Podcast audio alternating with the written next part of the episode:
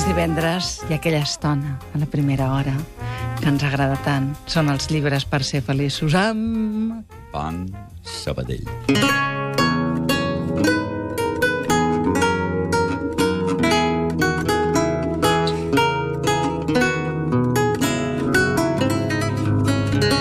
Una vegada hi havia un gentil, és a dir, un home que no practicava cap religió. Era molt savi, però no tenia cap coneixement de Déu, ni creia que hi hagués res després de la mort. Un dia, aquell home va començar a pensar en la bellesa, en la mort i en la pèrdua dels plaers d'aquest món. Li agradava molt la vida mundana, i pensar que la mort s'ho enduria tot li causava un enorme desconsol. Mentre hi pensava, se li negaren els ulls i sentí que el cor se li nuava de tristesa i de dolor. Borràs i Márquez, on som? Què és un conte? Ah, mira, gairebé ho sembla, eh? Uh, Què és, Ramon Laura? Llull ens trasllada aquesta mena de verger en aquesta forest deliciosa que ens diu en el, en el català medieval original uh, per explicar-nos una faula, efectivament, com si estiguéssim transportats a un conte.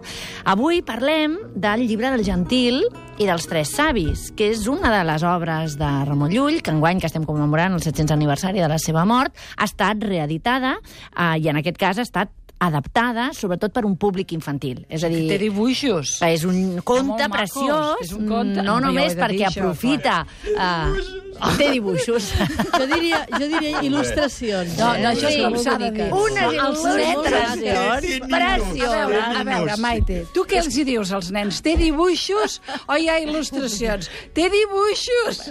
Bueno, hem de dir que en aquest cas els dibuixos... És la primera vegada Són- en 4 anys que veiem un llibre amb dibuixos. Visca el Banc Sabadell. Eh, i, quins, di- I quins dibuixos, eh? Quins dibuixos. A veure, Preciós. perquè Extraordinari. és un Va, aquí llibre ha- magnífic en De què l'Àfrica. l'Àfrica Fanlo ha fet unes il·lustracions Ara, eh, precioses. ara, ara, eh? ara. Unes il·lustracions magnífiques, però el que jo veritablement considero que té un mèrit Sí. extraordinari és haver eh, estat capaços de pensar Llull en un text que no és precisament No- no és dels més evident, fàcils pels efectivament, nens, eh, i, que, i que aleshores fem aquest exercici de- d'acostar-los una faula, un text del segle XIII, en el llenguatge de Llull.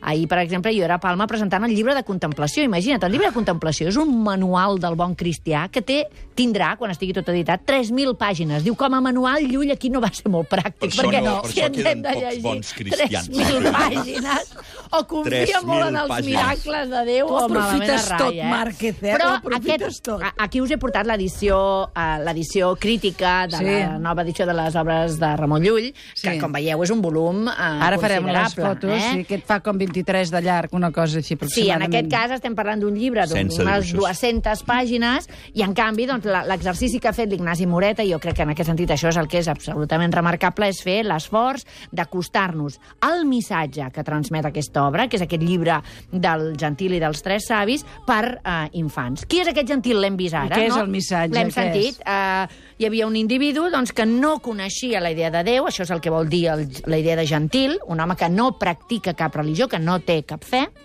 i que es pensava que en acabat de, de, de viure la seva vida, després del seu pas per la vida, ja no seria res, no? És, és bonic el pensar que algú es posa a reflexionar sobre què li passarà quan transiti al llarg de tot el seu camí vital, arribi a la bellesa, i aleshores pensa, se li negaren els ulls i sentir que el cor se li nuava de tristesa i de dolor, de pensar què serà de mi, és a dir, què hi haurà després de la vida.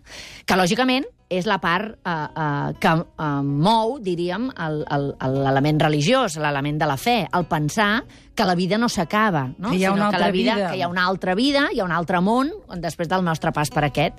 I aleshores aquest gentil que es troba en aquest entorn, a, a, a, al costat dels arbres i la font que es troba, això és, és una part que l'Ignasi Moreta ha invisibilitzat, es trobarien a una dona, que és la imatge d'intel·ligència. Bueno, ho dic jo perquè com que ja no hi és en el llibre, ho dic. Es trobaria una dona que és la imatge de la intel·ligència. Incís, eh, Laura? És Sí. un llibre preciós, Preciós, perquè ho és. I a més a és. més els dibuixos de l'Àfrica el- fan encara magnífics. més bonics. Um, a, a l'hora de llegir-lo amb els fills, Sí. um, ha de ser un moment relaxat. Perquè Ha de les ser un moment preguntes perquè, que poden venir després de, de llegir aquest conte, que et poden qüestionar els No, nens... sí. Les preguntes Em, no són però difícils. Home, Són però fixa't, respostes. respostes, les respostes. Vull dir que com a, No, com a però- pare has d'estar descansat Però, per Marta, poder això que dius és molt interessant, Sí, perquè sí, no, no, no, no eh, dic que Llull és una persona que, a partir del moment en què experimenta la seva il·luminació i la seva conversió, diríem, i converteix la seva vida al servei de portar el missatge de Déu a tothom, a tot arreu, a totes les llengües, a totes les cultures del seu context, eh, del seu moment cultural, el que sí que fa és intentar fer visible l'invisible. Uh -huh. Per tant, és molt bo fent això. El que tria serà tots els recursos que tingui al seu abast per intentar fer conèixer aquesta revelació que ell ha tingut, aquesta idea de, les, de, de la fe cristiana que ell sent, experimenta i vol compartir.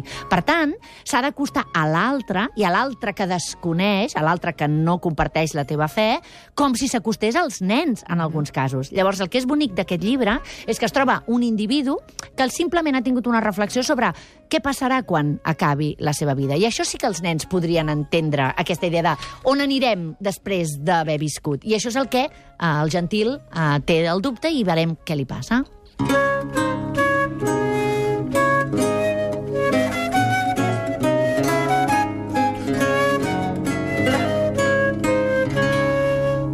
Mentre això passava, s'esdevingué que tres savis es van trobar a la sortida d'una ciutat.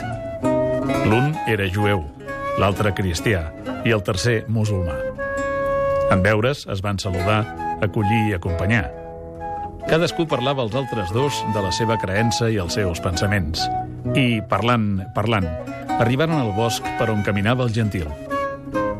El van veure arribar amb la seva llarga barba i els seus cabells llargs. Venia prim i pàl·lid pel treball dels seus pensaments i pel llarg viatge que havia fet. El gentil anà a veure aigua a la font i quan es va haver recuperat una mica saludar els tres savis. Aquests el van saludar al seu torn i li desitjaren que el Déu de glòria, Pare i Senyor de tot el que existeix, creador de tot el món i que ressuscitarà bons i dolents, el consolés i l'ajudés en els seus treballs. Del Gentil i els Tres Savis, versió d'Ignasi Moreta i il·lustracions d'Àfrica Fanto, editat per Fragment Editorial. Efectivament. Fixa't, es trobarà amb tres savis que són un representant de les tres religions. Aquí ha dit el cristià, el jueu, ha dit el musulmà, Llull sempre diu el serraí, fa servir el concepte de serraí eh, en la seva mm. època, i aleshores aquests tres savis li explicaran què és per ells aquesta idea de Déu. I aleshores, quan hagi sentit tots els discursos de cadascun de les tres religions, començant per la més antiga, els jueus, després els cristians i després els musulmans, el savi, ai, el gentil, que ja haurà conegut aquesta idea de, de la posteritat, d'aquesta altra vida, i, i, i el que representa la mateixa idea de la fe, quan els hi vol dir, i no voleu sentir quina és la religió que jo trio? Aleshores els tres savis diuen no. Ara resulta que nosaltres marxarem. Perquè no és tan important, en aquest cas, en el conte, i aquesta és la part, eh, la moralina que, que podria ser actual, no?, en aquest moment.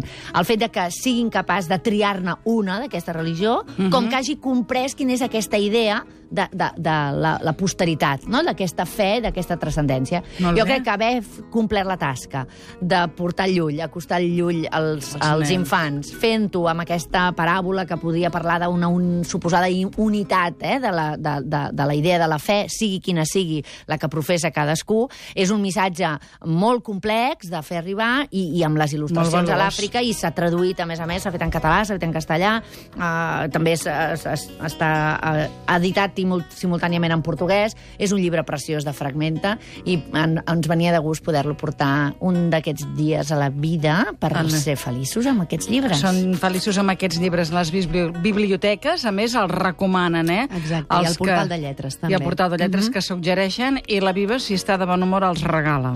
Exacte. Molt bé. Aquest... Aquest... regalarem a alguna persona que avui ens parli una mica d'adaptacions eh, literàries, perquè el llibre que ara ens Sí, presentarà però la què és això de parlar? Què, què, què, diu que hem de dir avui? Llibres que hagin estat adaptats, que, que parlin d'obres què vol dir literàries llibres adaptades. adaptats? Què són? A veure. Ara amb l'exemple de Márquez A Boros. veure, a veure, això és molt difícil, eh? Cada dia... No sé si se'ls vol donar, se'ls vol quedar Al aquesta Twitter, noia. home, m'encantaria. Al Twitter, arroba la vida Cat Ràdio. Va, mirem aquest altre fragment.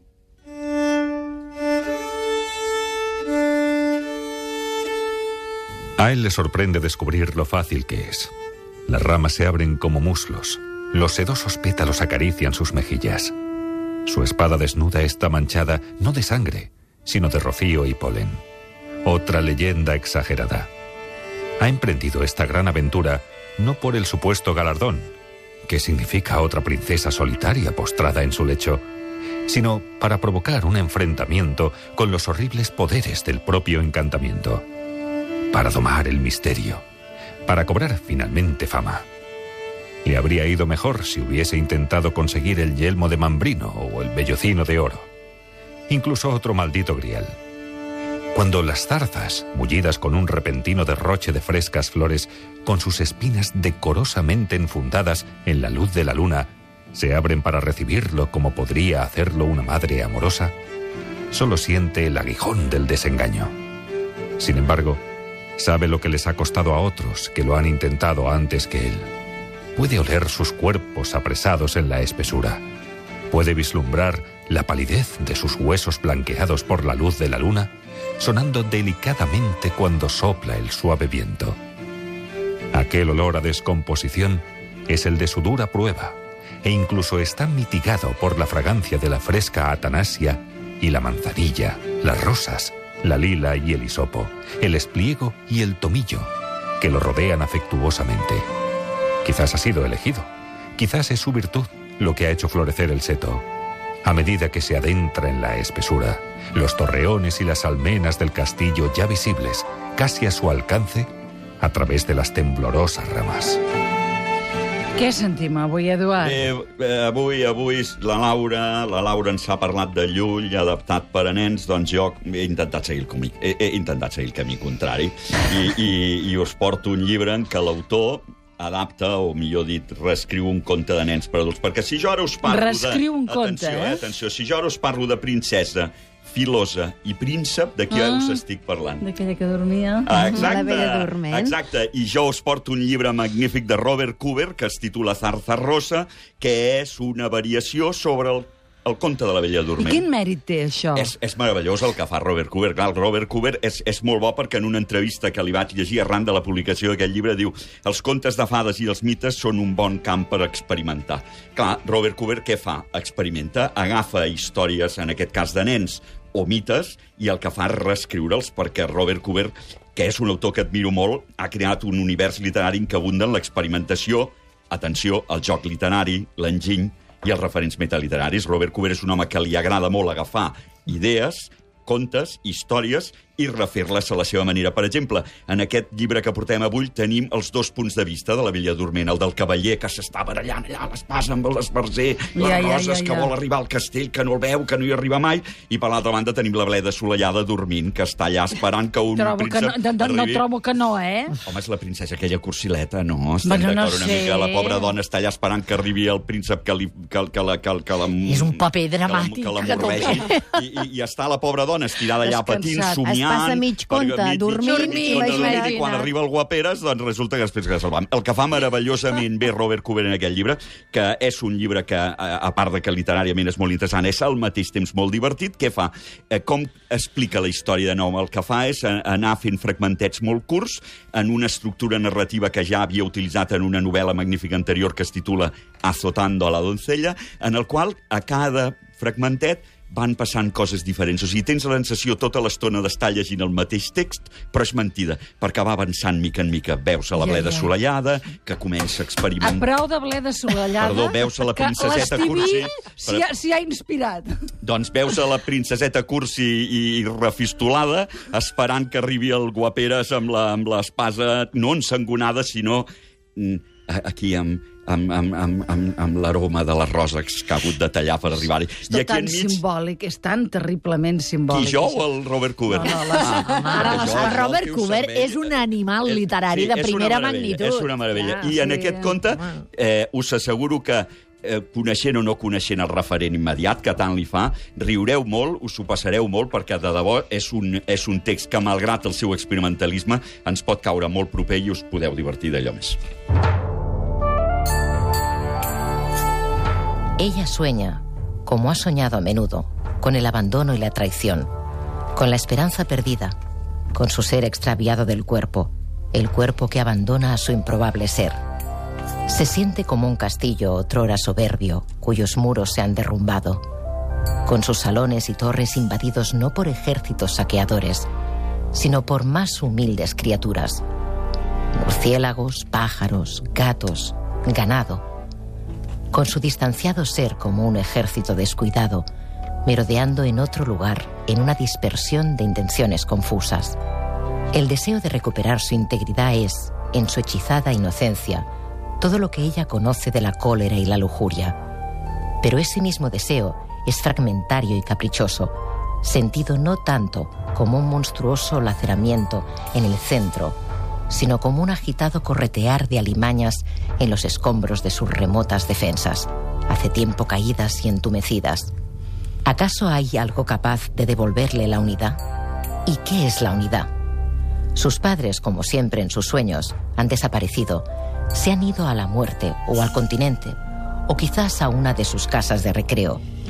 Y ella está siendo apuñalada una y otra vez por el uso traicionero, impregnada con una desesperación de la que, pese a toda su furia, no puede despertar.